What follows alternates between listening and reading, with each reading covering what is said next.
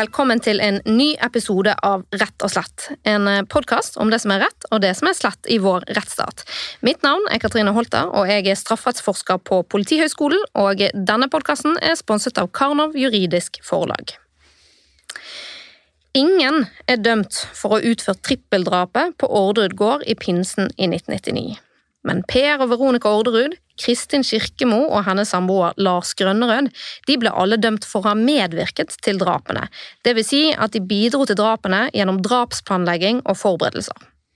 Per og Veronica fikk begge 21 års fengsel, Kristin Kirkemo fikk 16 års fengsel, og Lars Grønnerød, som i dag er død, fikk 18 års fengsel. Alle er ferdigsonet, eh, men eh, Per og Veronica har ikke forsonet seg med dommen. De har eh, begge begjært sine saker gjenopptatt. Før sommeren så publiserte jeg to episoder om Orderud-saken, og da fokuserte jeg på den fortellingen som domstolen baserte sin dom på. I dag så skal vi få høre fra forsvareren til Veronica Orderud. Hva er deres argumenter for gjenåpning av trippeldrapssaken? Dette er del tre om det gåtefulle trippeldrapet på Orderud gård. Frode Sulland har representert Veronica helt fra starten av, og han har lagt ned mange timer i arbeidet med å få Veronicas sak gjenopptatt. Frode driver eget advokatfirma og har bl.a. vært leder for Forsvarergruppen, og for ordens skyld så må det nevnes at jeg tidligere har jobbet i hans firma, men jeg har aldri hatt noe med Veronica Orderuds sak å gjøre. Velkommen til Rett og slett. Tusen takk. Kanskje du starter med å fortelle litt hvordan du kom inn i Orderud-saken, eh, og, og, hvordan denne saken var på denne tiden? Ja, det er jo eh, en uh, historie som er litt vanskelig å gjenfortelle hvis man ikke på en måte opplevde den tiden og, og fulgte godt med, fordi det, det, var jo et drama av de sjeldne. Jeg ble kontaktet i veldig kort etter at drapene hadde skjedd. Og da uh, var det via advokatene Cato Schjøtz og Ole Jakob Ba som uh, var de første, slik jeg husker det, som var kontaktet av ekteparet Orderud når det ble en situasjon hvor de kom i politiets søkelys, og det gjorde de jo veldig raskt. Og da hadde de to hatt Eh, en gjenopptagelsessak for Per Liland eh, helt i Høyesterett, og ble oppfattet som eh, sterkt engasjerte i strafferett, og svært kompetente begge to. Og Per Liland-saken det er jo en av de kjente justismordsakene som til slutt ble gjenåpnet. Det er det. Og Cato Schjøtz eh, ble jo da eh, forsvarer for Per Orderud, mens Ole Jakob Ba på det tidspunktet ikke ønsket å engasjere seg i en så stor og alvorlig sak, og dermed så ble jeg kontaktet eh, som Veronica Orderuds advokat, og var altså det helt fra den spede begynnelse av denne saken, og eh, møtte henne umiddelbart etter at hun var blitt pågrepet. Hvilken person var det du møtte da? Da møtte jeg jo, øh, og det var faktisk på en arrestcelle på Gardermoen, husker jeg. Fordi øh, de ble jo pågrepet øh, når de kom hjem og hadde vært på Nesbyen på en hundeutstilling da de avdøde ble funnet. Og dermed så var eh, Gardermoen nærliggende stedet å ta henne med til, og det var et, eh, en skjellsettende opplevelse. Det var et, eh, en svært fortvilet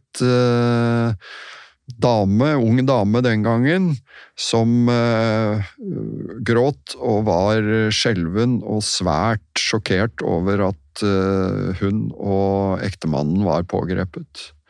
Så det var et, eh, et veldig kraftfullt eh, møte, og vi eh, måtte bruke mye tid for å prøve å, å få henne samlet og kunne, kunne, snakke litt mer om hva som nå kunne være situasjonen videre fremover, og hva som kunne være grunnen til at de var pågrepet.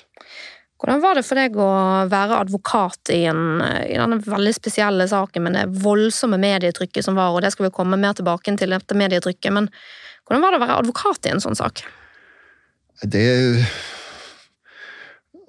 er vel også noe som utviklet seg, da, ut fra hvordan saken ble etter hvert. Men det var jo umiddelbart med et trippeldrap. Øh, åpenbart for meg at dette ville bli en langvarig prosess, og en svært omfattende prosess.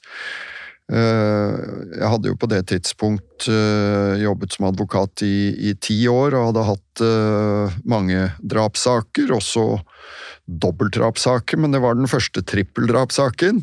Og det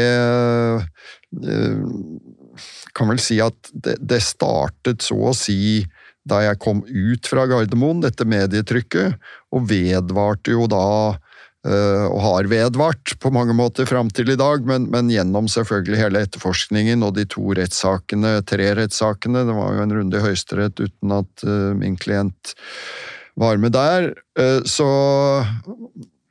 kan jeg vel si at det, det, har vært en sak som har fulgt meg dermed en helt vesentlig del av mitt yrkesliv som forsvarsadvokat, og som har preget meg og mine omgivelser i veldig stor grad, fordi at uh, vi har hatt ekstremt mye arbeid med den, ikke bare i da de årene den, den var i, for å bli iretteført, etterforsket og iretteført, men også i alle årene nå med, med spørsmål om gjenåpning.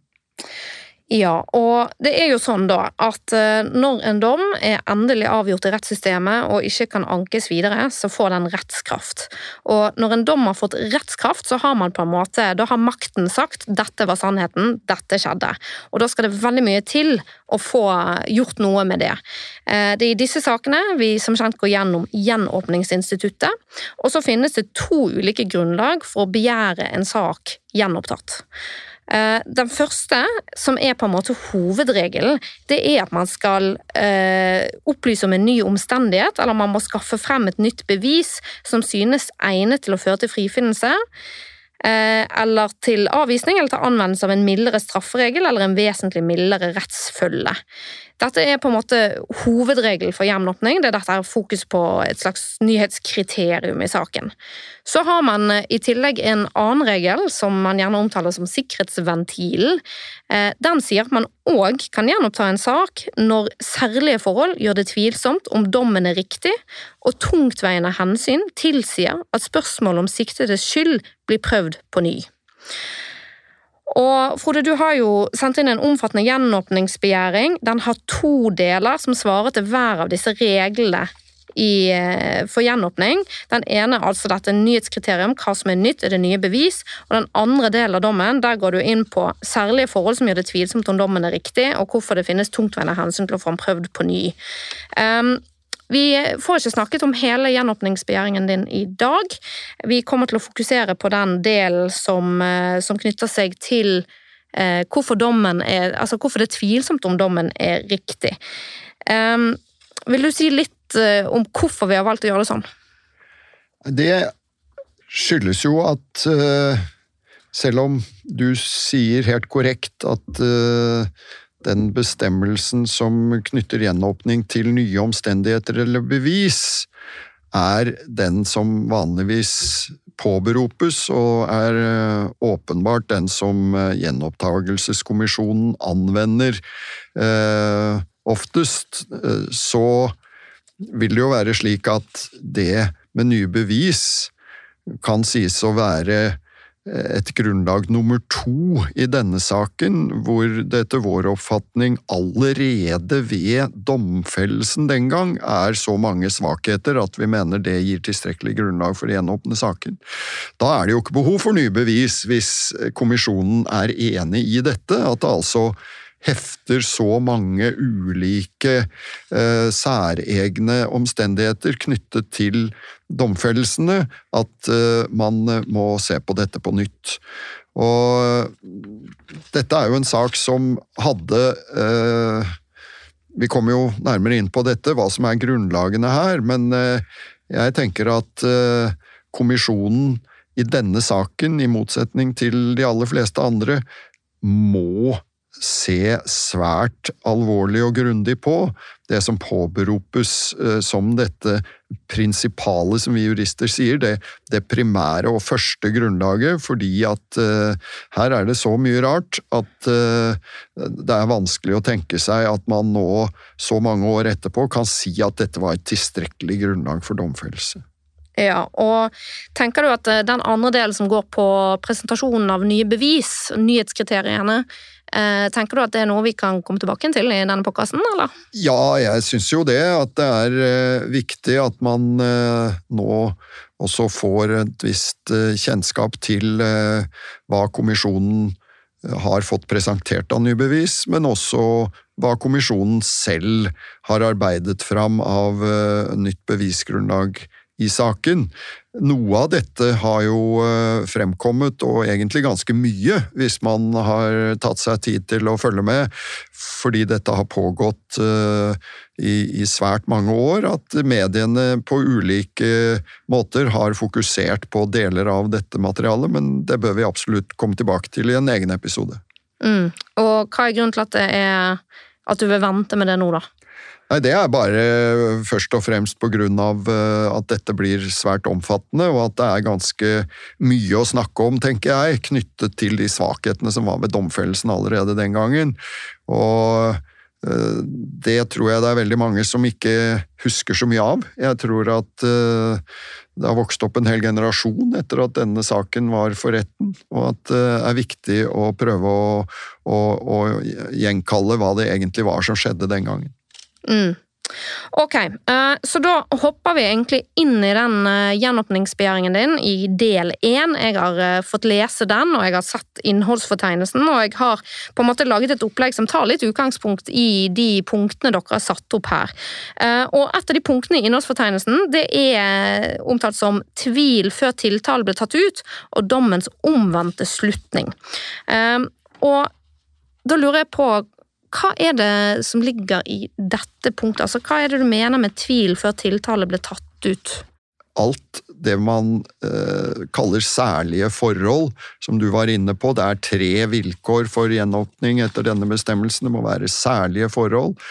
Punkt to er at dette må være forhold som gjør det tvilsomt om dommen er riktig, og så må det være tungtveiende hensyn som tilsier at skyldspørsmålet må prøvd på nytt. Og, og dette med den omvendte slutningen er da eh, fremholdt som eh, et særlig forhold, og det er jo da nettopp dette at man har domfelt noen for en eh, eh medvirkning som man ikke vet førte til drapene. Altså at planleggingen som skjedde hovedsakelig på dette selskapet lille julaften på Orderud gård i julen 98, om det var den samtalene eller den planleggingen, hvis det fant sted på den måten, som i så fall førte til drapene i pinsen 1999.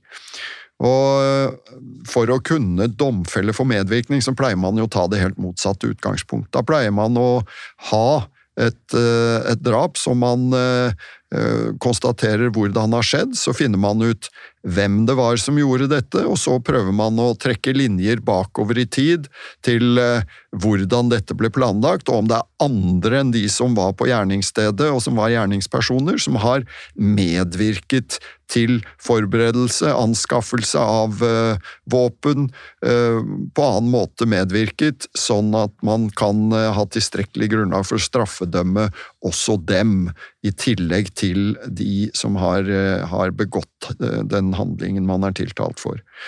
I dette tilfellet så har man altså snudd det hele, og det skjedde jo eh, som et slags grep i romjula eh, 2000, i forbindelse med at eh, Riksadvokaten skulle behandle innstillingen fra statsadvokatene. Fordi da hadde statsadvokatene som var ansvarlig for eh, hele etterforskningen og innstilte tiltale til eh, Riksadvokaten, kommet til at det var ikke tilstrekkelig bevis for å tiltale Per Veronica Orderud.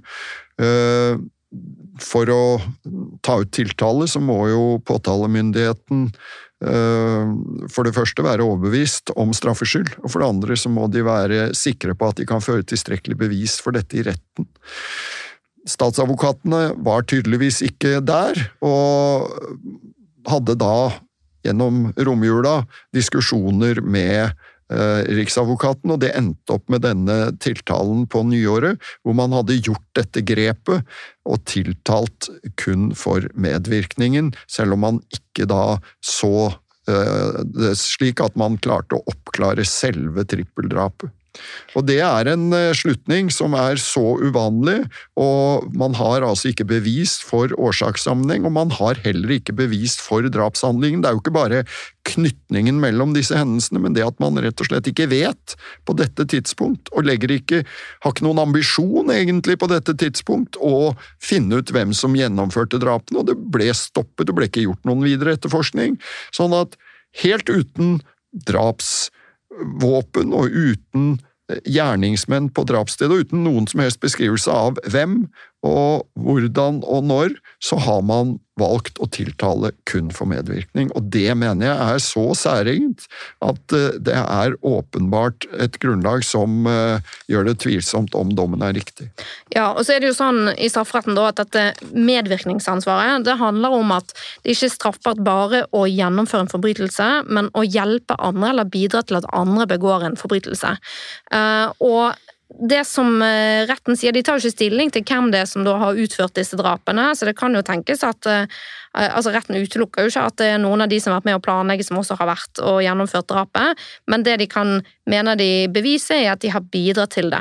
Men det som kanskje er en av de store svakhetene i dommen, og som du er inne på her, det er jo nettopp dette at eh, for å bli ansvarlig for å bidra til en annens forbrytelse, så må man jo bevise denne årsakssammenhengen. Man må jo bevise at det faktisk har bidratt til drapet.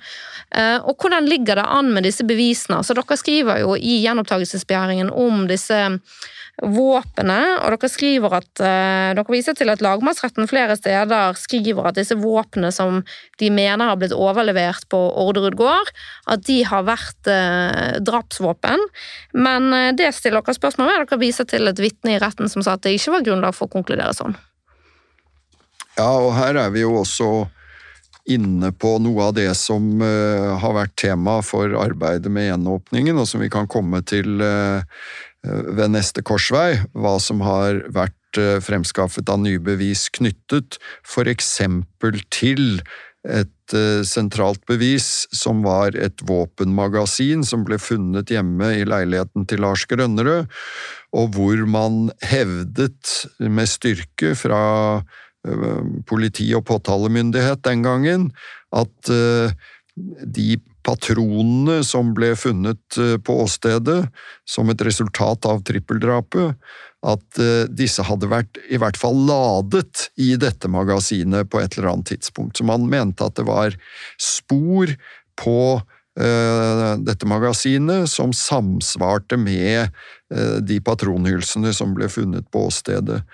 Og da kan man jo si at det var en, en slags knytning mellom uh, det som hadde vært snakket om av uh, medvirkning, eller hadde vært av medvirkningshandlinger også ved å fremskaffe våpen, og det, drapshendelsen. Så vi har Eh, jobbet intenst og mener at det er eh, fremskaffet tilstrekkelig nye bevis knyttet til at det er ikke holdbart å hevde at eh, man hadde heller ladet disse patronene i magasinet. Men selv om man skulle legge til grunn det domstolene gjorde, nemlig at det, dette magasinet hadde på en måte en eller annen tilknytning til drapsvåpenet, så Eh, var det fortsatt heller ikke noe bevis for hvem som hadde utført drapene, og om det var en årsakssammenheng, som du sier, mellom den påståtte planlegging og drapene.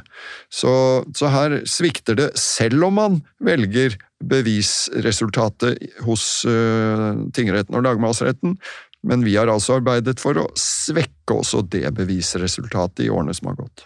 Ja, og på denne tiden, og dette tror jeg nevnte i en tidligere episode òg, at eh, på denne tiden så hadde man ikke et eget straffebud for drapsforberedelse, men det har man i dag. Man har et straffebud som rammer det å inngå en avtale om å begå drap. Eh, det ville vært benyttet i dag på denne saken, eh, og da ville strafferammen vært ti år. Men Per og Veronica fikk jo 21 år, og Kristin fikk 16, og Lars fikk 18 år. Sånn at Det er òg interessant i denne saken, da. Ja da, det er det absolutt, men det er jo viktig for meg nå hele tiden å understreke at vi diskuterer på en måte det vi jurister kaller subsidiære problemstillinger nå, fordi at uh, Per og Veronica har hele tiden fastholdt at det overhodet ikke fant sted noen form for planlegging, noen form for eh, samtaler knyttet til et mulig drap, og at det aldri heller ble overlevert noen våpen til dem, verken lille julaften eller senere, slik at hele problemstillingen om dette med den eh, omvendte slutning er jo basert på en forutsetning om at man likevel skulle mene at det var en slik form for medvirkning. Jeg understreker derfor gang på gang i disse sammenhengene at vi bestrider på det sterkeste at det skjedde noen planlegging på lille julaften. Ja, og der er det Kristin Kirkemos forklaring som står sentralt. Hun hevder at det skjedde en drapsplanlegging, men påstår at hun selv ikke var en del av den. Eh, og Lars hevder at det skjedde en våpenoverlevering, men nekter for at det var drapsplanlegging. Det er helt riktig, og, og derfor så har jo også under arbeidet med gjenåpningen, som vi kan komme til, vært viktig å fokusere på i hvilken grad det eh, var tilstrekkelig grunnlag for å legge disse forklaringene til grunn for en domfellelse for at det hadde skjedd en eh, planlegging og en eh, form for medvirkning. Og det mener vi at vi også har fremskaffet ganske mye nye bevis omkring, men det er jo da eh, en, en, litt annen skål enn dette med å angripe dommen som sådan, fordi den driver med denne omvendte slutningen uten bevis for verken drapene, hvordan de skjedde, eller årsakssammenheng mellom selve drapene og en eventuell planling, som vi da bestrider har foregått. Ja, og I denne dokumentaren på NRK så var det jo også interessant at uh, den representanten for uh, politiet uttalte jo selv at man ser på Orderud-saken som en uoppklart sak. altså Man vet ikke hvem det var som var inne og skjøt. Nei, det er jo uh, utvilsomt, og, og, og, da igjen har jo selvfølgelig arbeidet med gjenåpning vært knyttet mot å prøve å fremskaffe bevis for dette, fordi vi mener at det er jo først hvis man gjennomfører en uh, fullstendig drapetterforskning og prøver og forhåpentligvis klarer å komme fram til hvem var det som var på åstedet, og hvem var det som begikk disse drapene.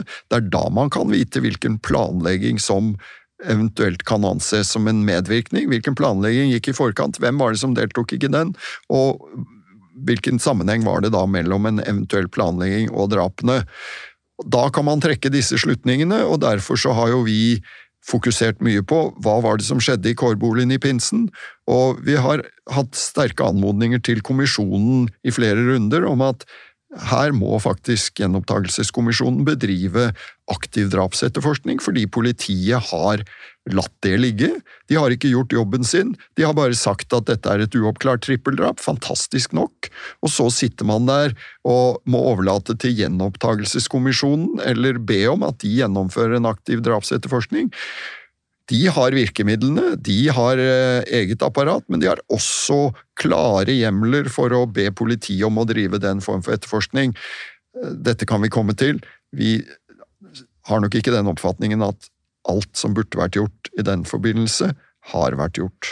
Ja, fordi Hadde det vært en eh, representant etter, for etterforskningen her, eller for politiet, så ville de nok eh, pekt på at dette er jo en eh, drapssak som det ble lagt enorme ressurser ned i, og som de virkelig prøvde på å få oppklart. Ja, og det er jo riktig, det var voldsomme ressurser. Men ressursene var jo og det eh, er en annen side ved dette, som vi vel kommer til. Ressursene var jo først og fremst rettet mot å finne et bevismessig grunnlag for å domfelle Per og Veronica Orderud. Det var starting point, og det var endepunktet, og alt imellom dreide seg om dette, og fokuset og ressursene på akkurat hva som skjedde i kårboligen eh, denne aktuelle natten, kunne i hvert fall vært bedre anvendt. Det var mye ressurser på det også, men hovedfokus var helt fra dag én hvordan kan vi knytte Per Veronica Orderud til dette? Ja, så det du anfører er at politiet fikk et tunnelsyn, og at de ble for opptatt av eh, Per og Veronica Orderud, og jeg antar at det da er gårdstvisten du mener at eh, har på en måte forledet politiet da, som motiv?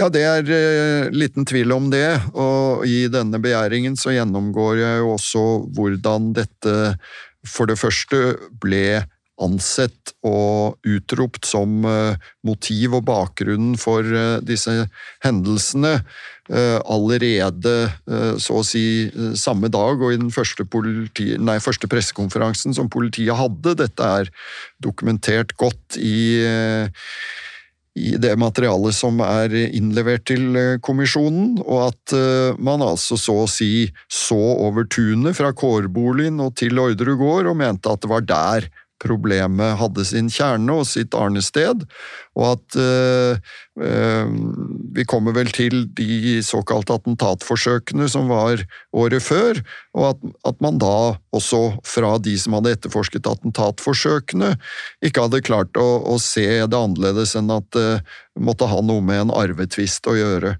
Og dette var eh, både lensmannskontorets, eh, påtalemyndigheten og Kripos sitt eh, hovedfokus i all den tiden som fulgte. Ok, men Kan du ta oss litt igjennom argumentasjonen deres for at gårdstvisten ikke kan ha vært motiv for trippeldrapet? Ja øh, jeg har sagt før jeg skulle komme hit i dag, at uh, mye av dette arbeidet ligger nå mange år tilbake. Uh, slik at alle detaljene i både det vi anførte den gangen og det vi har anført overfor kommisjonen, uh, må jeg dra fram litt fra, fra glemsen. Men et helt sentralt element i dette var jo at det fremkom etter hvert opplysninger som eh, viste at denne såkalte gårdstvisten, spørsmålet om Per Orderud eh, skulle overta, eller allerede hadde overtatt, eh, farsgården, slektsgården, det var en tvist som var brakt inn for domstolene, men som så ut til å være løst akkurat i dagene før pinsen i 1999.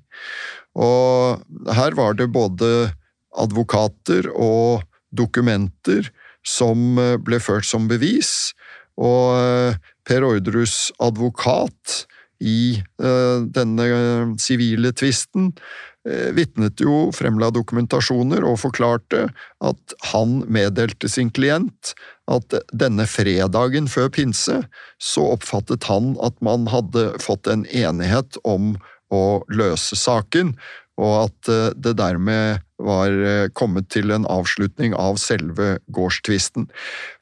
Men det forutsetter jo at dette skal være viktig, forutsetter jo igjen at man i det hele tatt er villig til å akseptere at denne gårdstvisten var av en slik karakter at Per Orderud skulle være villig til å ta liv av hele sin familie for å nå fram med dette.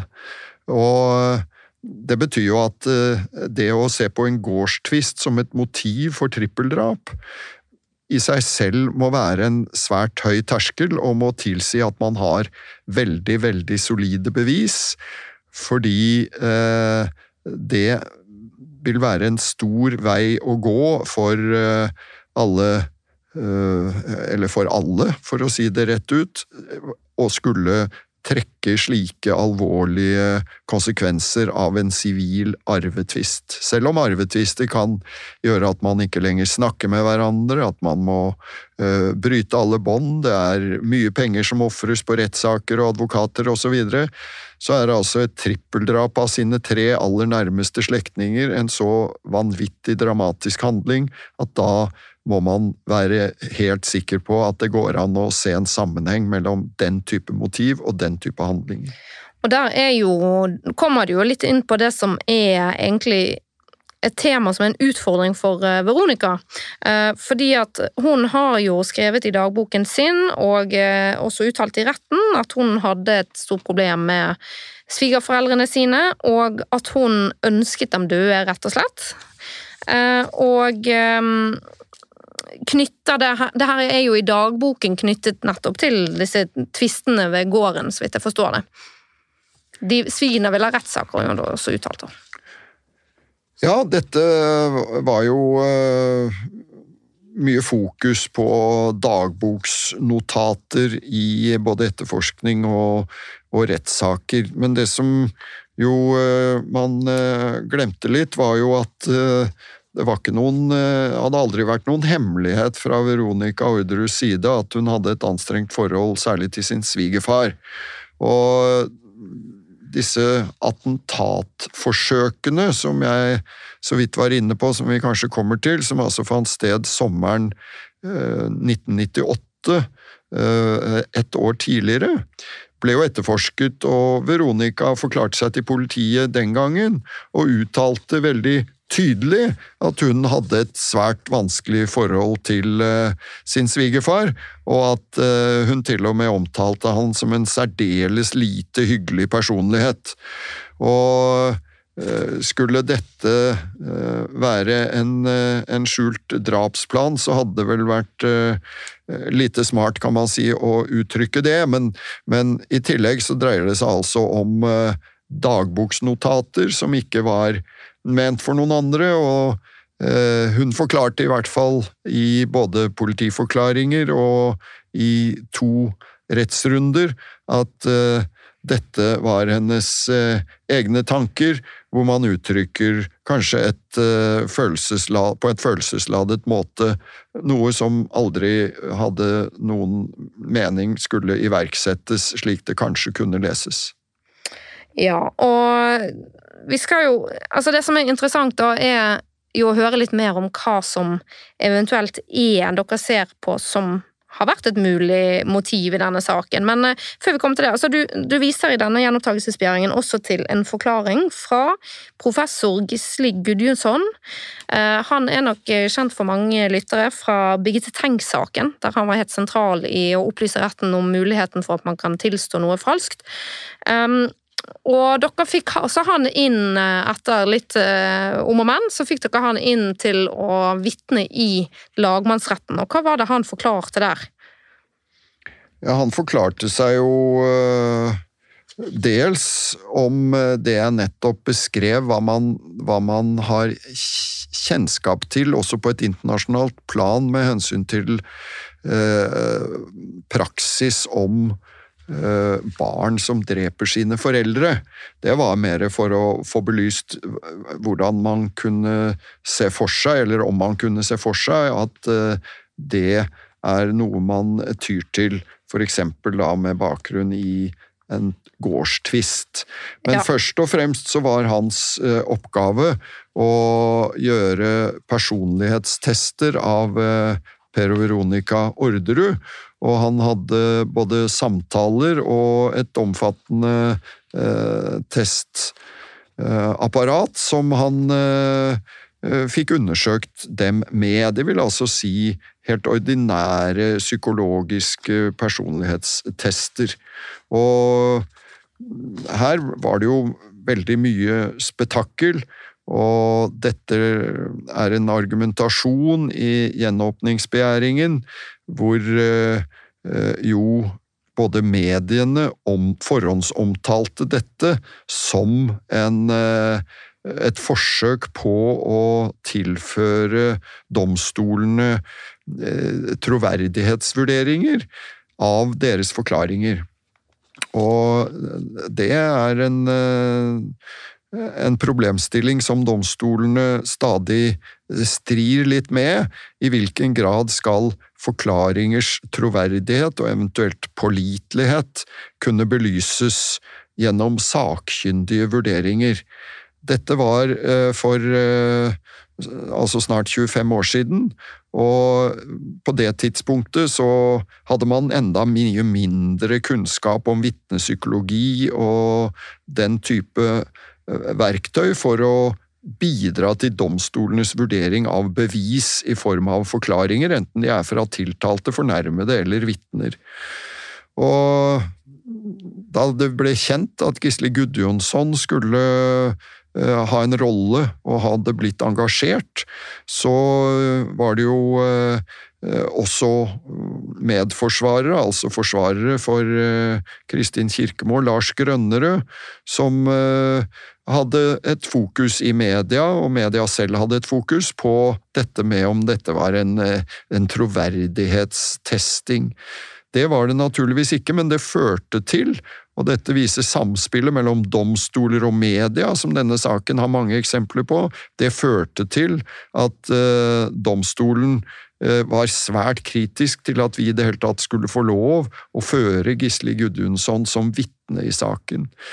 Og uh, fagdommere håndterte dette altså på basis av det som hadde vært medieoppslag, så altså fagdommere blir også påvirket av medier, og det var først når Gisli Gudjonsson sto i vitneboksen og selv forklarte hva han hadde gjort og skulle forklare seg om, at han fikk lov til å forklare seg. Og eh, et bakteppe for alt dette var jo at påtalemyndigheten på et tidlig tidspunkt fremsatt en begjæring om en rettspsykiatrisk undersøkelse av Per Veronica Orderud, fordi at de mente at det var jo øh, en så dramatisk handling at her måtte man jo undersøke den mentale tilstanden hos øh, de siktede. Det fant vi ikke at det kunne være noe grunnlag for, og vi motsatte oss det og fikk medhold av at det ikke var et, et grunnlag for det. Så det var ingen domstoler som ville oppnevne noen rettspsykiatrisk sakkyndige, men det var en del av bakgrunnen for at vi i stedet mente at det var denne type psykologbistand som kunne være viktig for domstolen å ha med seg, og det ble også ført da som bevis for retten. Og så ble det vel anført uh, i mediene, kanskje, eller var det i retten òg, at uh, Veronica hadde uh, forført, lurt Gisle Gudjonsson i samtale med han, og det var jo også en, hun hadde også en annen psykiater som var oppnevnt og vitnet, som han mente at hun hadde lurt. Kommer vi kanskje tilbake til hvordan denne saken ble preget av medienes fortellinger, og en av dem var jo at eh, Veronica Orderud skulle eh, så å si være i stand til å manipulere og forføre eh, alle rundt seg, og at hun også da ble ansett av aktoratet for å være i stand til å manipulere professor Gudjonsson og hans undersøkelse. Og det ble stilt spørsmål i retten om uh, i hvilken uh, grad hun kunne tenkes å ha sittet i varetekt og lest seg opp på hvordan man skulle besvare sånne tester, for å dermed uh, lure dem.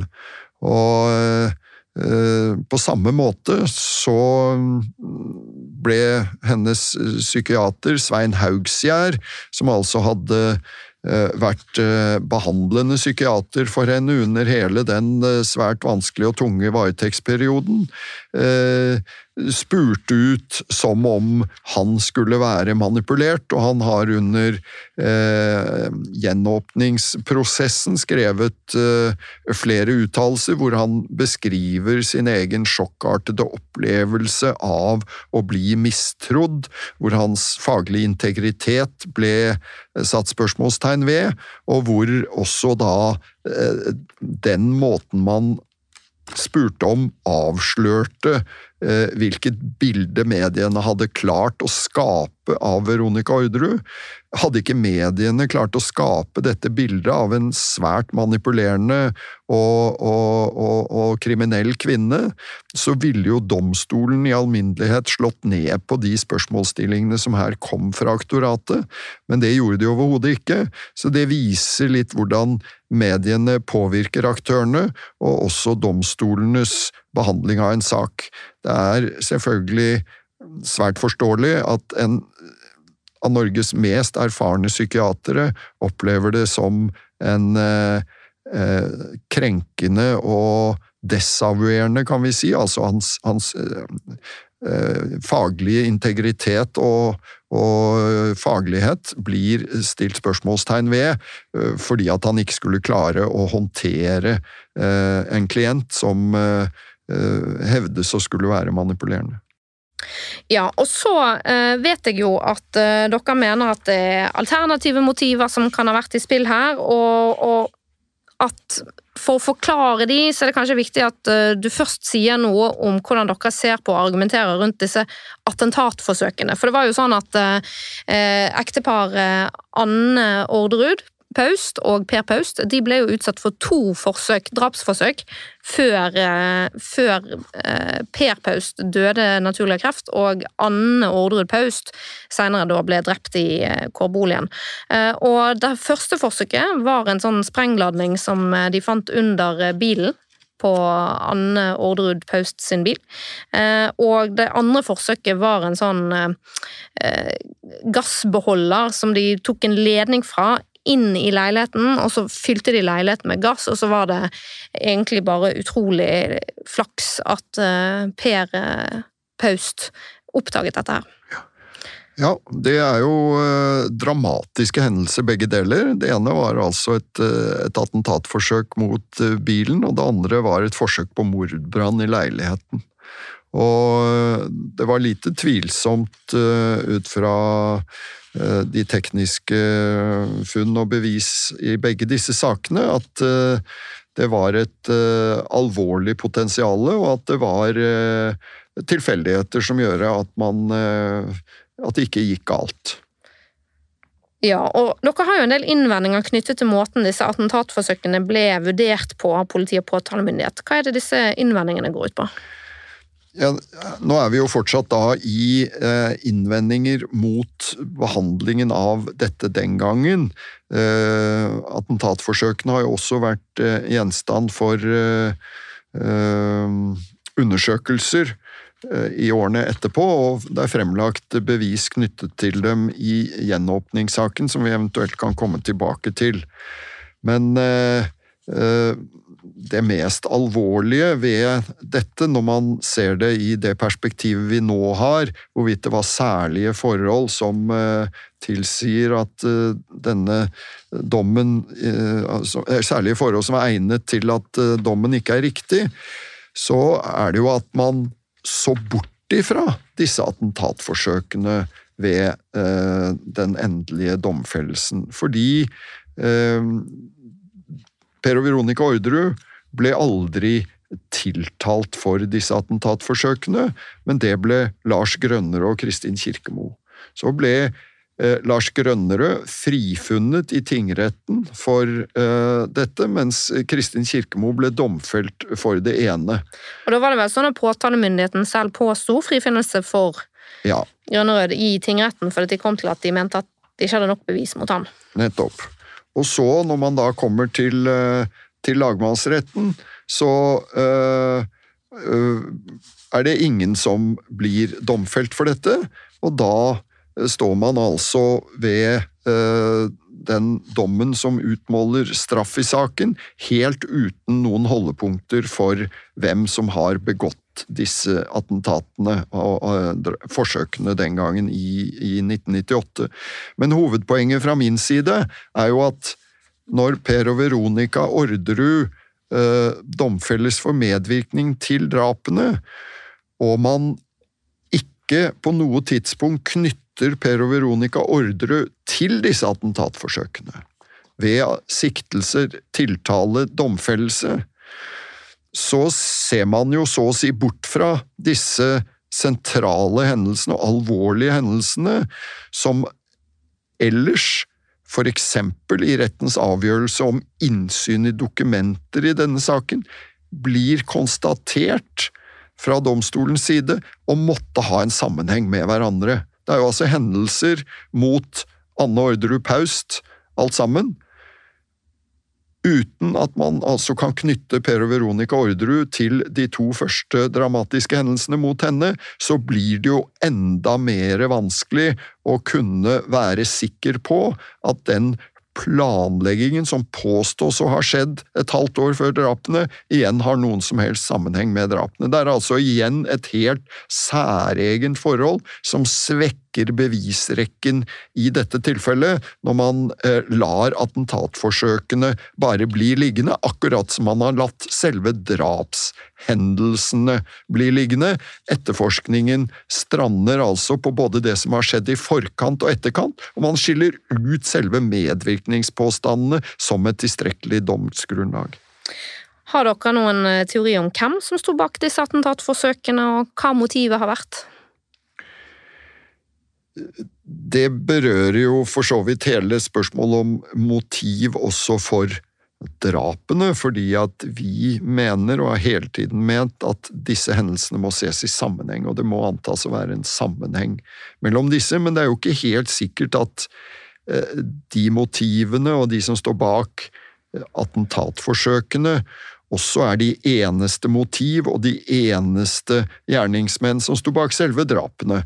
Her er det vel mulig å se for seg, og det blir antydet uh, og fremholdt flere steder i både uh, det jeg har skrevet om dette og det Tore Sandberg har innlevert om dette, at det kan være sammensatte motiver uh, knyttet til alle disse ulike hendelsene, og, og jeg ser ikke noe grunn til å være helt tydelig og klar på et entydig motiv for disse attentatforsøkene, annet enn at de åpenbart var rettet mot både Anne og Per Paust, så det må altså være motiv knyttet til dem.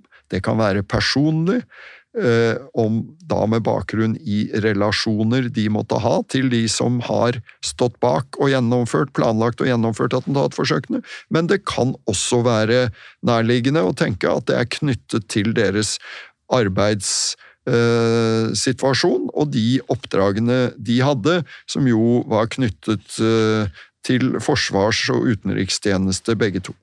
Ja, og da vil jo det si at eh, mens i den offisielle fortellingen og det som er lagt til grunn av retten, så er det gårdstvisten som er det sentrale, og da er motivet og drapshandlingene også primært rettet mot foreldrene til Anne. Men det du nå altså hevder, er at dere mener at det er Anne og Per Paust som var de primære målene for det som har skjedd. De var jo åpenbart målene for attentatforsøkene i 1998. Eh, det var altså stor fare for eh, begges liv når man har en mordbrannforsøk mot deres leilighet, hvor de begge to befinner seg. Eh, så er jo dette knyttet sammen med at når vi så får drapene i pinsen 1999, så er det Anne Orderud Paust som er på besøk hos sine foreldre, og man har altså valgt ut akkurat det tidspunktet for disse drapene. Og eh, vi har hevdet med styrke både eh, da rettssakene gikk, og i alle årene som har gått etterpå, at eh, det var Anne Orderud Paust som var det primære eh, fornærmede, primære offeret for de drapshandlingene som fant sted. Men så er det jo, hvis jeg husker riktig fra denne 180-samtalen, så ble det vel sagt der òg at de tre har lidd nok? Nei, det var eh, en samtale som var rettet eh, og begrunnet i hatet mot Anne Orderud Paust, og så ble det tilføyd at de to gamle har også lidd nok. Slik at eh, det var fordi hun på det tidspunktet i pinsen visste vedkommende, og jeg forutsetter nå at 180-samtalen som stikkord er tilstrekkelig kjent for de som hører på dette, eh, men at eh, det var jo et, et varsel om at disse drapene skulle finne sted på det tidspunktet som hun var på besøk der, og at eh, de gamle da også hadde lidd nok, slik at det var lidd nok, og at det dermed også var et varsel om at de ville bli ofre for det som skulle skje. Jugoslavia-sporet. Dere nevner det i gjenopptakelsesbegjæringen. Det er sentralt. Dette ble også omtalt i en Brennpunkt-dokumentar fra 2009 som NRK har laget. Hva handler dette om?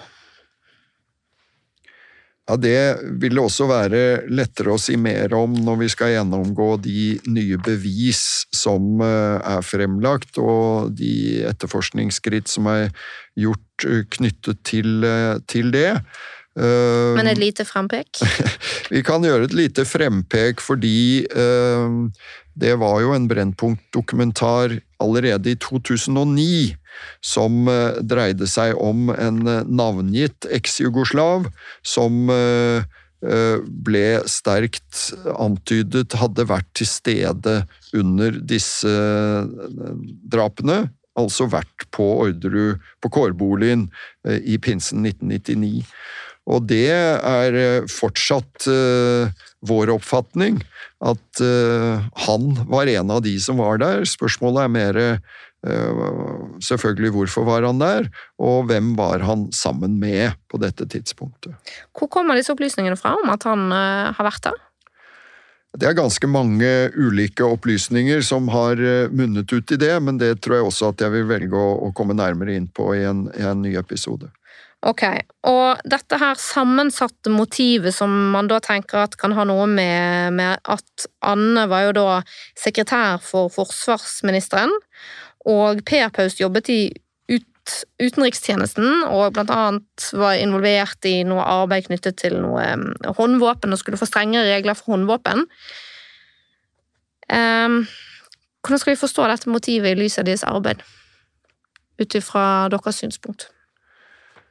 Eh, det er jo knyttet eh, til en del eh, enkeltstående bevis som er fremkommet, og som vi kan komme inn på senere.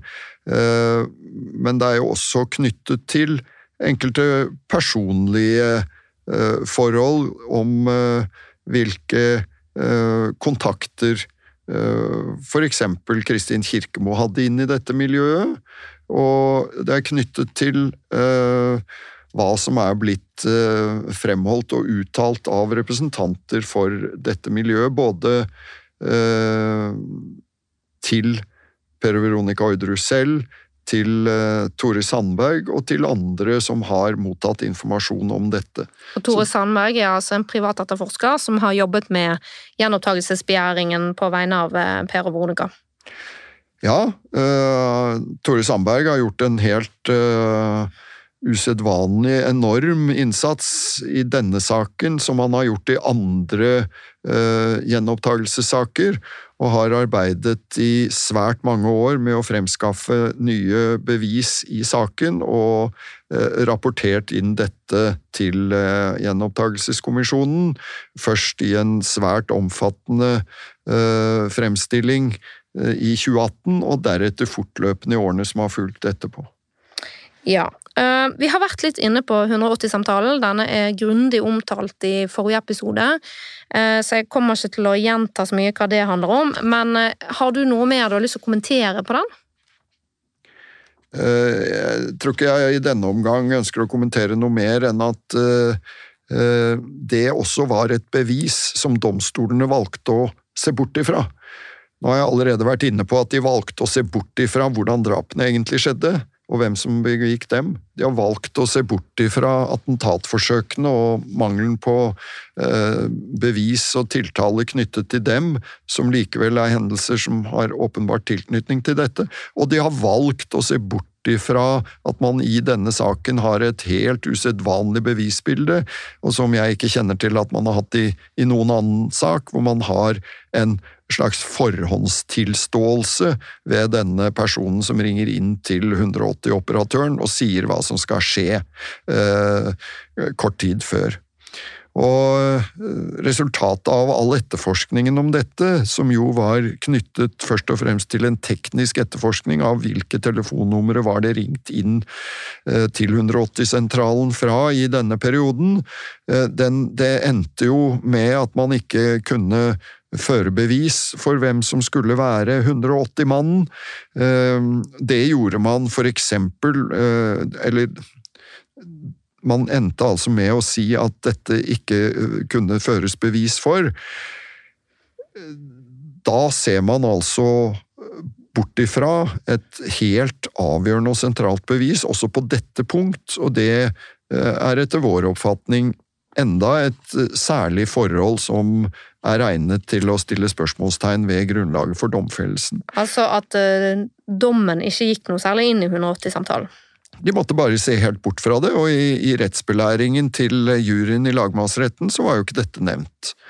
Og da er det jo slik at uh, uh, man finner de bevisene man kan si noe om, og prøver å basere seg på dem, men ser bort ifra det som eventuelt kan være klare motbevis. Og, det som er et viktig poeng for dere her med 180-samtalen, er at den viser et voldsomt hat som da var rettet mot Anne. Ja, det er jo innholdet i denne samtalen som gjør at vi mener man burde ha gått langt grundigere til verks med hensyn til en, det vi kaller en taktisk etterforskning, altså hvilke personer kunne for det første ha den informasjonen som vedkommende eh, viderebringer til operatøren på 180, for det var jo mye konkret informasjon, blant annet om Anne Ordrup Haust sine bevegelser.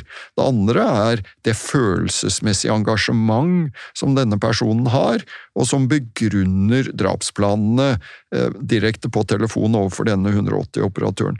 Jeg nevner også i begjæringen at eh, denne 180-operatøren jo sa at hun trodde hun ville gjenkjenne denne stemmen. Eh, men politiet foretok ingen stemmeprøver av aktuelle personer, og prøvde ikke å etterforske den veien, på tross av at hun i sitt politiforklaring altså helt tydelig sa at det ville være god, et, et godt bevis å fremskaffe. Forhåndsdømming. Det er et uh, sentralt tema i gjenopptakelsesbegjæringen i denne del én av deres begjæring. Um, La oss begynne med etterforskningen. Du har jo argumentert for at eh, etterforskningen var mangelfull og ensrettet. Samtidig så er det jo en sak som politiet gikk inn i med massive ressurser. Blant annet så la de jo et enormt arbeid ned i det å finne denne 180-samtalen. Altså de klarte jo da å redusere 400 000 oppringninger til 513, og så sjekket de alle disse opp mot strafferegistre og personer av interesse. Ehm, du var litt inne på det i sted, at dere mener at det likevel ble, ehm, var ting som ikke ble gjort. Uh, vil du konkretisere litt mer hva kritikken din går ut på her? Ja, det, det, bunner jo i det som vi var inne på tidligere, nemlig at det var ett motiv som man etterforsket på basis av. At man allerede, så å si samme dag, pekte over jordet og anså gårdstvisten, tvisten mellom eh, kårboligen og hovedbruket, som det sentrale motivet i saken, og dermed så var etterforskningens eh, formål å skaffe bevis mot Per og Veronica Orderud. Og eh, andre potensielle motiv var eh, i svært liten grad i fokus. Og det skapte det vi eh, da kaller en eh, klassisk justisfeil.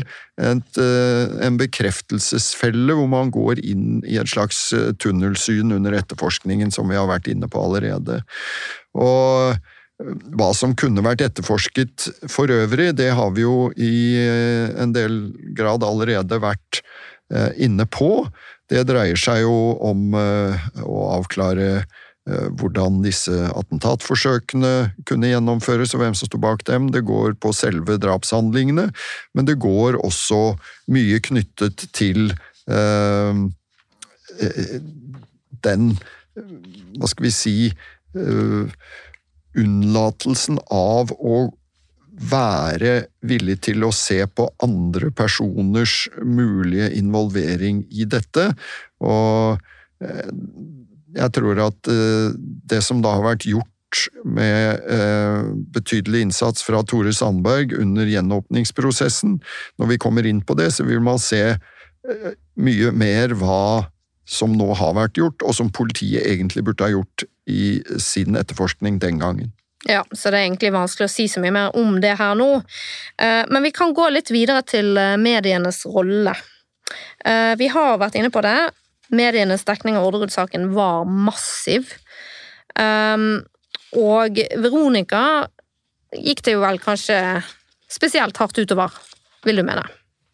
Ja, jeg har også vært inne på det allerede. Jeg eh, oppfattet den gangen, og i ettertid eh, kan det forsterkes, at eh, Veronica ble pekt ut og fremstilt som en svært eh, manipulerende person, og at eh, det var hun som på mange måter ble trukket fram som den som skulle ha trukket i trådene og sørget for at det ble Eh, begått disse drapene og, og, hatt en stor rolle, nettopp fordi at hun jo var søster til Kristin Kirkemo, og at det var eh, eh, den linken som politiet mente var svaret i denne saken. Ja, dere har jo i begjæringen gitt beskrevet noen utdrag fra den eh, mediedekningen, og hvordan den rammet Veronica Orderud særskilt. Eh, blant annet så blir hun betegnet som en dødsengel, eh, og som du sier, som en kynisk og kald person. Noen andre eksempler som dere viser til, det var at Dagbladet for eksempel hadde et oppslag 'Slo nabokvinne med rive'. Veronica har en aggressiv side. og så hadde Aftenposten et oppslag med tittelen Frykt i familien ba politiet beskytte Per Christian Orderud, og i henvisningsteksten så het det blant annet at eh, et nært familiemedlem har i politiavhør uttrykt så stor frykt for Veronica Orderud at han ba politiet om å beskytte Per Christian Orderud mot kona. Årsaken var enkel, han var redd den 45 år gamle gårdbrukeren ville bli neste drapsoffer. Og eh, VG hadde et oppslag Trippeldrapssiktede Grønnerud Grønnerød, som si, sier da med sitat 'Jeg vet hvem som drepte, det er Per og Veronica Orderud'. Det er jo eh, dette er jo eksempler på overskrifter og journalistikk som jeg tror eh, det er langt mellom i dag. Mediene har jo lært ganske mye, og de har jo, som dere også viser til, eh, så ble jo mediene felt i PFU på flere punkter. Hva vil du da si? Altså, Tror du at denne mediedekningen fikk betydning for måten domstoler behandlet Orderud-saken på? Ja, det er jeg eh, faktisk helt sikker på. Jeg er helt overbevist om at medienes rolle i Orderud-saken hadde betydning for utfallet. Og det er jo knyttet øh, ikke bare til de enkeltoppslagene som du nå har referert til, men eh, også til det massive eh, trykket og den massive dekningen i seg selv. Altså det at man eh, på en måte teppelegger eh, forsidene i alle tabloidavisene over så ekstremt lang tid, det skaper jo en, eh, en, en det, det, bygger ned, kan vi si, enhver kritisk motstand. Og det var jo slik at uh, flere mediehus fikk løpende tilgang på informasjon uh, før vi som parter i saken hadde det. Og de fikk etter hvert alle sakens dokumenter. Det er en video som viser at noen journalister bærer ut kassevis med dokumenter fra politihuset. Ehm, og de skrev om dette på en måte som eh, hadde én retning, og det var å bygge opp under politiets oppfatning, motivet, hendelsesforløpet, aktørene. Det var hele tiden det samme ensidige tunnelsyn i medienes dekning som det var i politiets øh, øh, etterforskning. Og så var det jo juryen som avgjorde denne saken, men de var jo instruert til ikke å lese aviser underveis. Ja, det er jo øh, slik man uh, ofte gjør. I hvert fall i denne saken så er det åpenbart at det var ikke sånn det var. Jeg hadde jo daglig min uh, egen uh, reisevei fra, til rettssalen, hvor jeg kjørte forbi bensinstasjonen hvor jurymedlemmer sto og drakk kaffe og leste dagens oppslag, og i flere av disse tilfellene så var det jo slik at mediene slo opp forklaringer eh, som skulle komme i retten eh, på forhånd, og med sin egen vinkling, hvor de valgte å ta ut enkeltelementer som eh, igjen hadde en, en ganske entydig vinkling, slik at de hadde den samme tilgang til disse medieoppslagene som alle andre, og jeg har allerede vært inne på at dette påvirket eksempel håndteringen av eh, Gisli Gudjonssons eh, vitneprov, hvor det var forhåndsomtalen av ham i mediene som eh, dannet bakgrunnen for hvordan dette ble håndtert i rettssalen. Men eh, eh, i tillegg til alle disse nyhetsoppslagene, så var det jo kommentatorenes måte å håndtere Eh, bevisførselen på. Det var jo et eh, svært eh, medieoppbud, og det var jo løpende reportasjer i sanntid og i ettertid under rettssakene, og da var det heller ikke en utstrakt kritisk holdning til politiets bevisførsel, men langt mer en utleverende og kritisk holdning til de tiltalte og deres representanter i retten.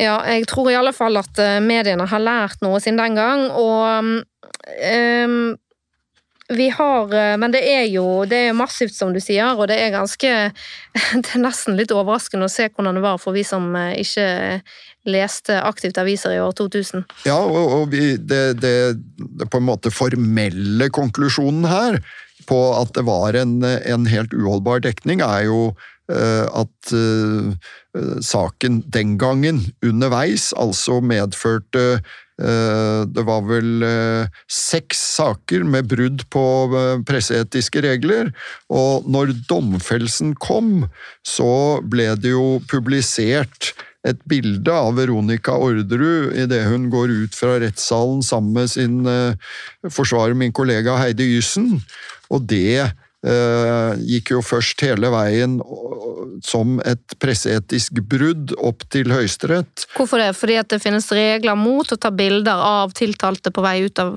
retten? Det gjør det, og, og dette var jo et uh, bilde av en gråtende og sterkt uh, sjokkert og fortvilet Veronica Orderud, som man da fant ut uh, underveis i den rettsprosessen og helt opp til Høyesterett, var et, uh, et klart uh, lovbrudd.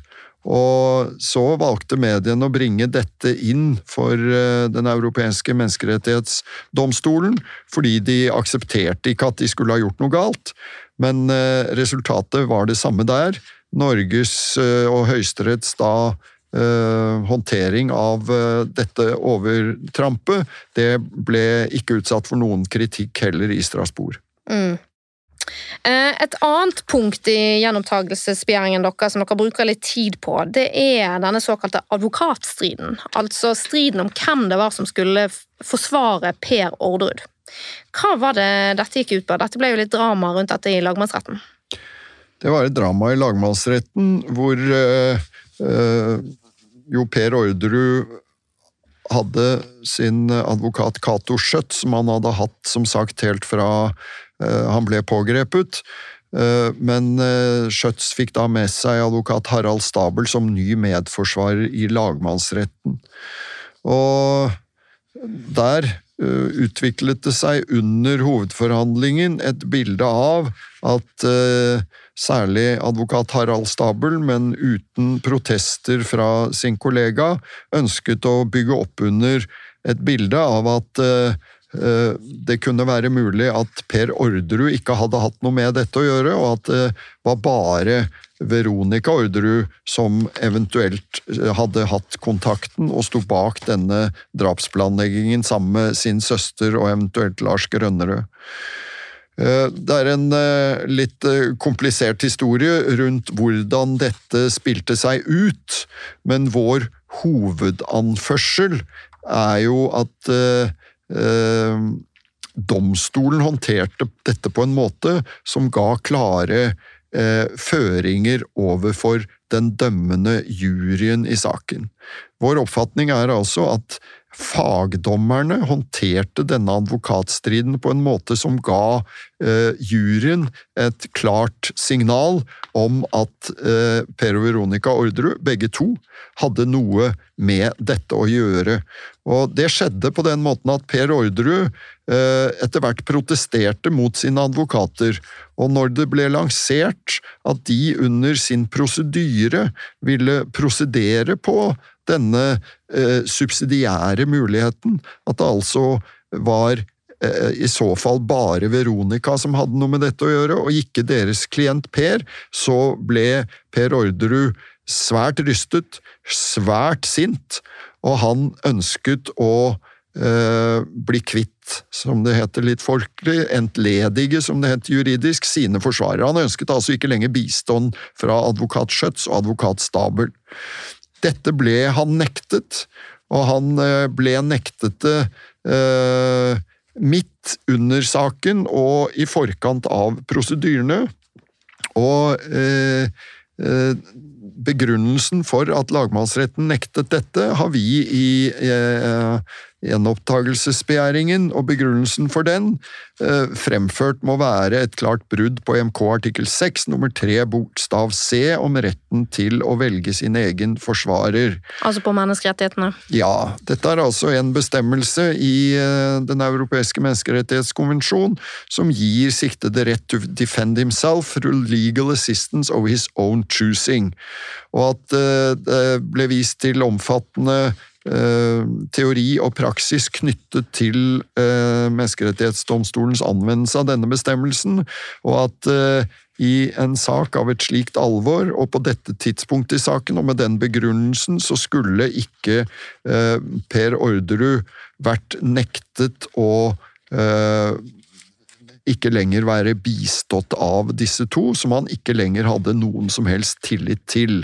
Ja, fordi utgangspunktet er at man har et eh, fritt forsvarervalg, og det ligger eh, det er veldig viktig rettssikkerhetsgaranti at den siktede tiltalte skal få velge sin egen forsvarer.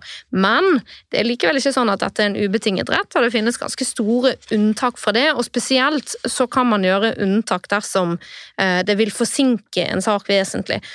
Og når dette da kommer ganske seint i rettsforhandlingene, så er vel da lagmannsrettens oppfatning at uh, det her, dette vil bare forsinke saken, og det her har vi ikke tid til. Mm. Men det var jo da i denne situasjonen fremholdt to alternativer fra Per Orderuds side.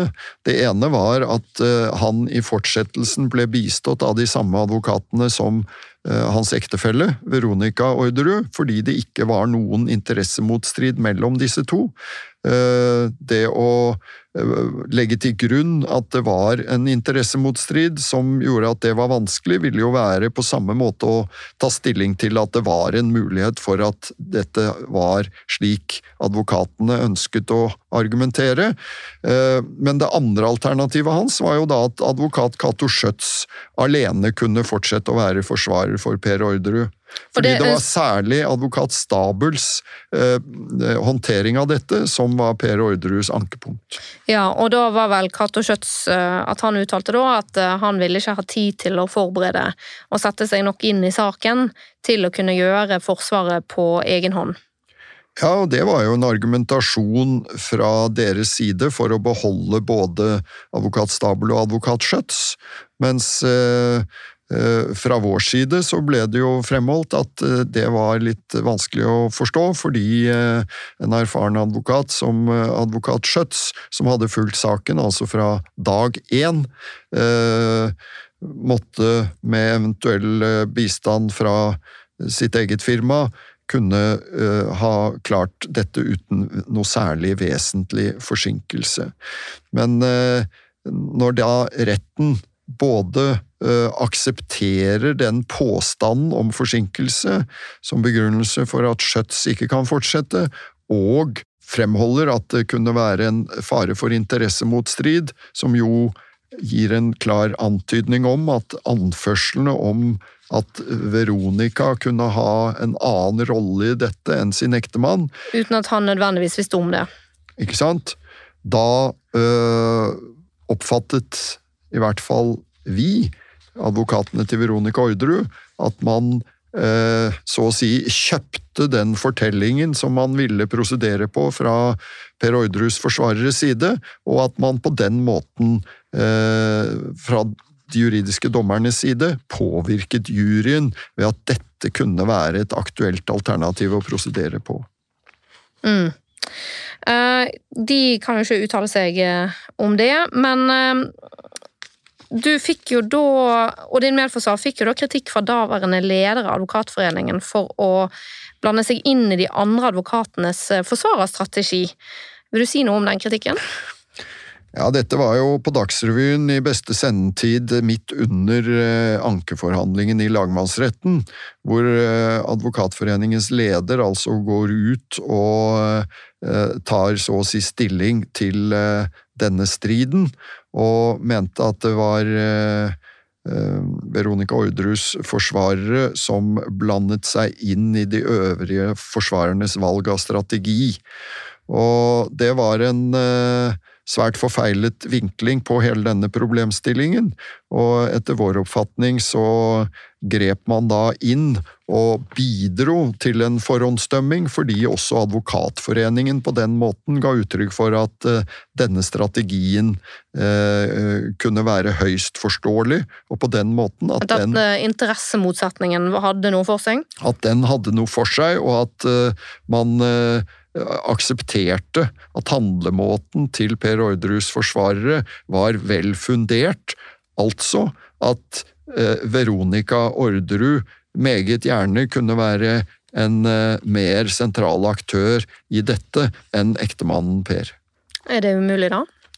Etter min oppfatning var det overhodet ingen bevismessige holdepunkter i noe av det som var fremkommet, verken under etterforskning eller rettergang, som kunne peke i den retning. Og, og, sentralt her er jo at hele saken var jo da basert på denne gårdstvisten, og det var jo i så fall Per Orderus motiv, og det var hans uh, familie som var tatt av dage. Nå er det igjen grunn til å minne om at vår oppfatning i dette er jo at det var eh, ikke bevismessig grunnlag verken for denne motivteorien, eller for at uh, verken Per og Veronica hadde noe med selve drapene å gjøre, men det var jo for øvrig heller ikke fremkommet anførsler fra påtalemyndigheten underveis om at Veronica skulle ha opptrådt på egen hånd. Det var jo hele tiden de to. Så dette ble jo plutselig en forsvarerstrategi som eh, ble tatt utenfra fra forsvarers side, uten at påtalemyndigheten engang hadde valgt å, å, gå den veien.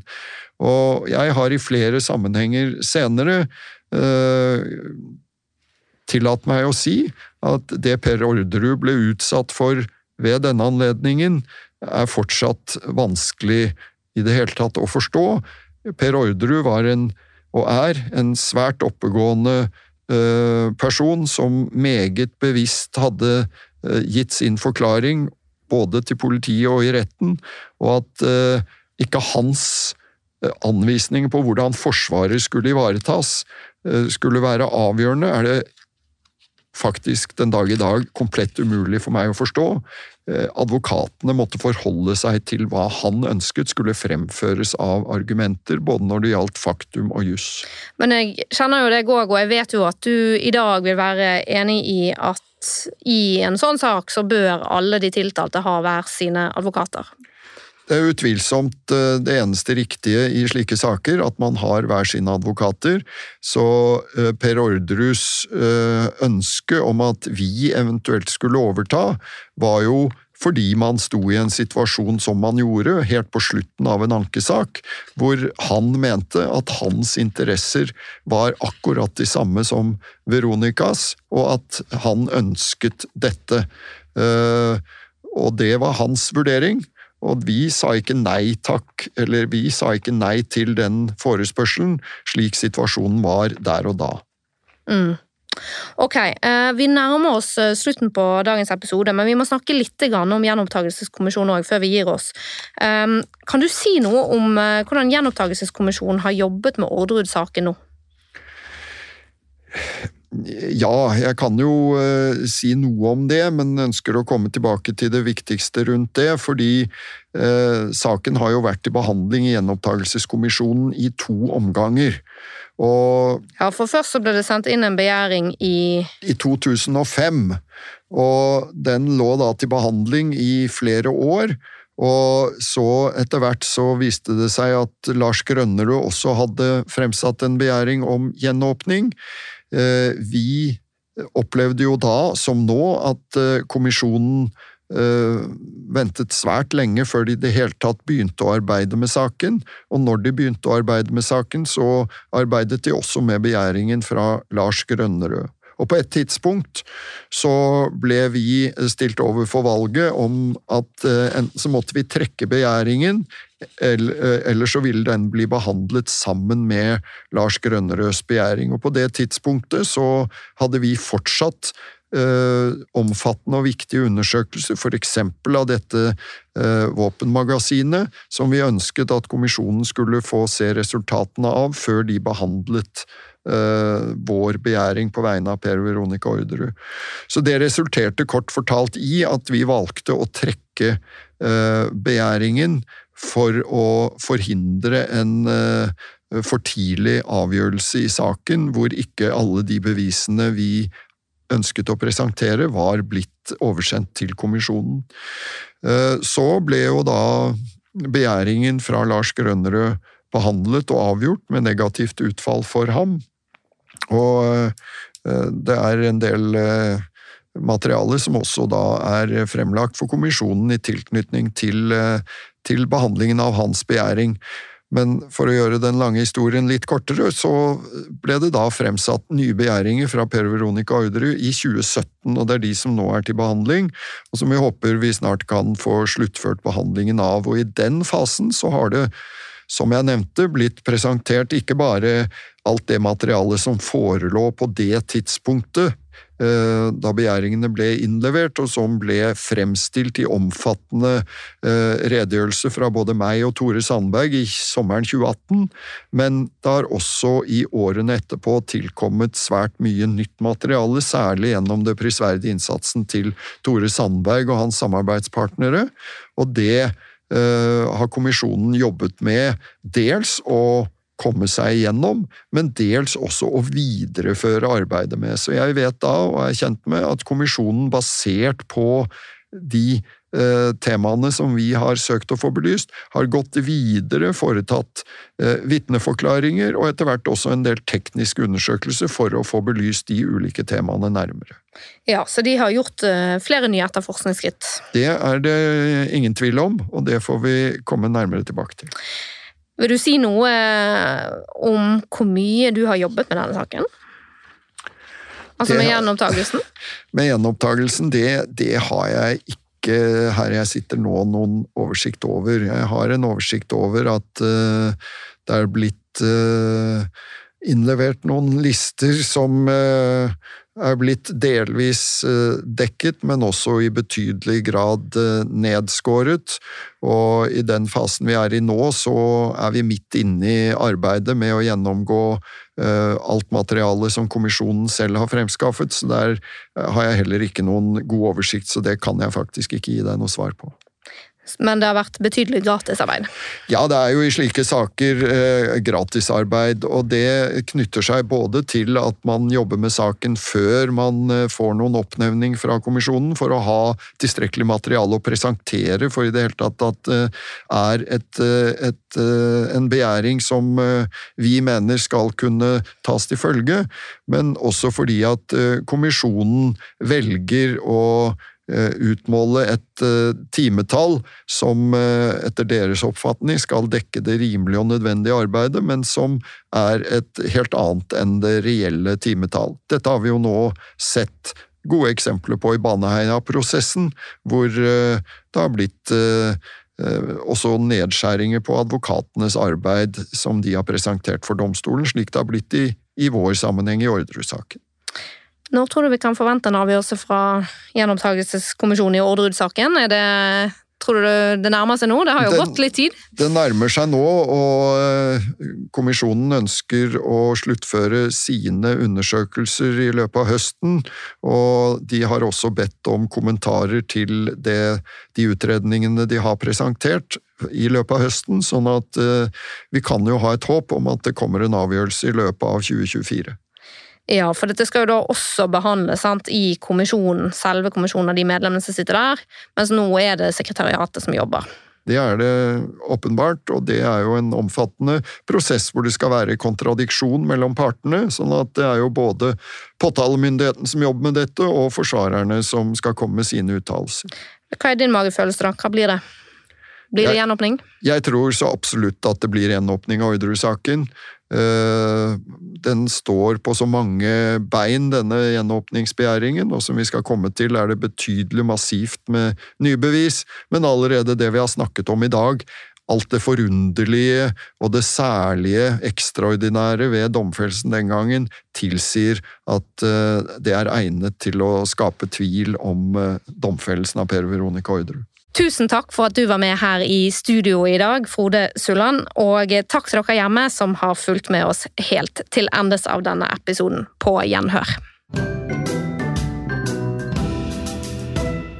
I denne episoden så kommer det frem at eh, advokat Frode Sulland er kritisk til enkelte sider av advokat Harald Stabels opptreden i Orderud-saken. Stabel er død, men eh, han forklarte til Advokatbladet i 2005 at han gjorde dette fordi han mente at det var den beste måten å ivareta sin klients interesser. Han sa Per Orderud ønsket å styre prosedyren min, og det fant jeg faglig uforsvarlig. Vi kan ikke gå på akkord med våre profesjonelle forpliktelser. Når klienten ikke tilstår, må jeg som forsvarer forholde meg til det. Det han eller hun sier, danner rammen for oppdraget. Per Orderud fryktet at min prosedyre ville belaste hans kone, men Cato Schjøtz og jeg selv var Per Orderuds advokater, ikke hans kones. Retten påla oss å fortsette. En forsvarer skal på best mulig måte ivareta klientens interesser, men klienten kan ikke styre min forsvarerjobb. Føyer man seg, blir ikke arbeidet utført profesjonelt. Jeg eh, vil også minne om at jeg eh, tidligere har eh, dekket Orderud-saken i to episoder, der det er domstolene og påtalemyndighetens syn den gangen på Orderud-saken som blir frontet. I denne episoden har det altså handlet om anførsler i Veronica Orderuds gjenopptakelsesbegjæring. Men det er likevel viktig å understreke at i den grad det i denne episoden pekes mot andre ikke-navngitte personer enn de domfelte, så er disse personene uskyldige inntil det motsatte er bevist. Etter at eh, denne episoden ble spilt inn i august, så har det også skjedd en utvikling i Orderud-saken.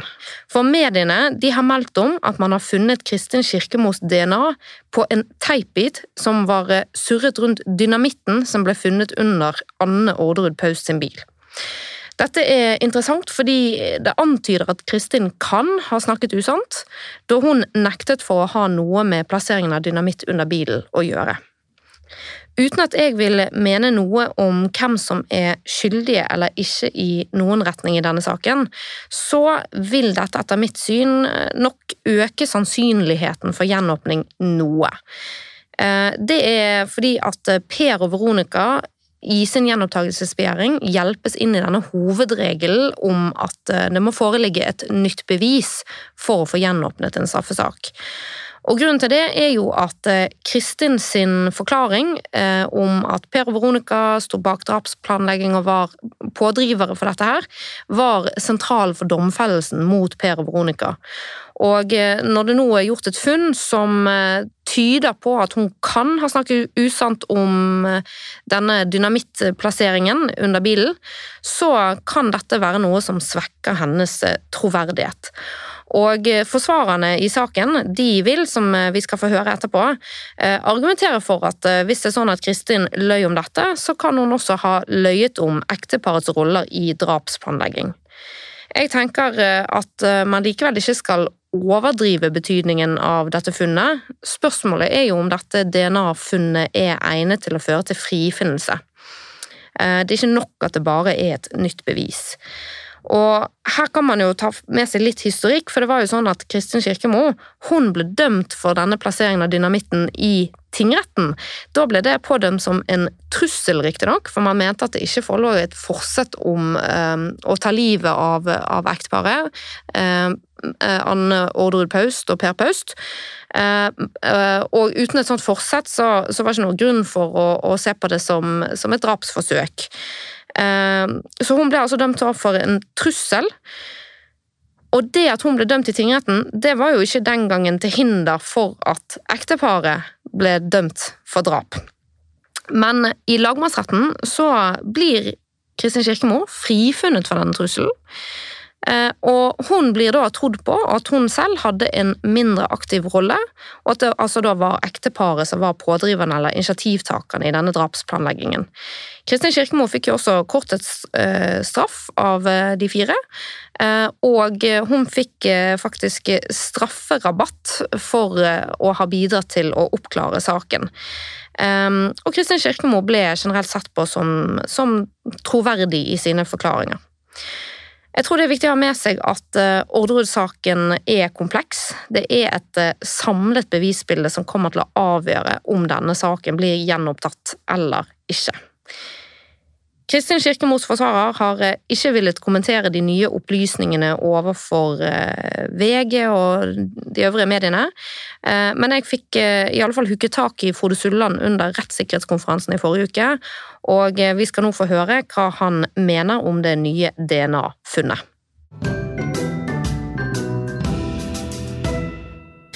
Frode Sulland, ehm, vi sitter nå her eh, utenfor eh, rettssikkerhetskonferansen. og Jeg ville bare ha din kommentar til dette DNA-funnet som man nå har funnet på en teipbit som var festet utenfor, nei, eh, utenpå denne dynamittkubben som hang under Anne Orderud Paus sin bil.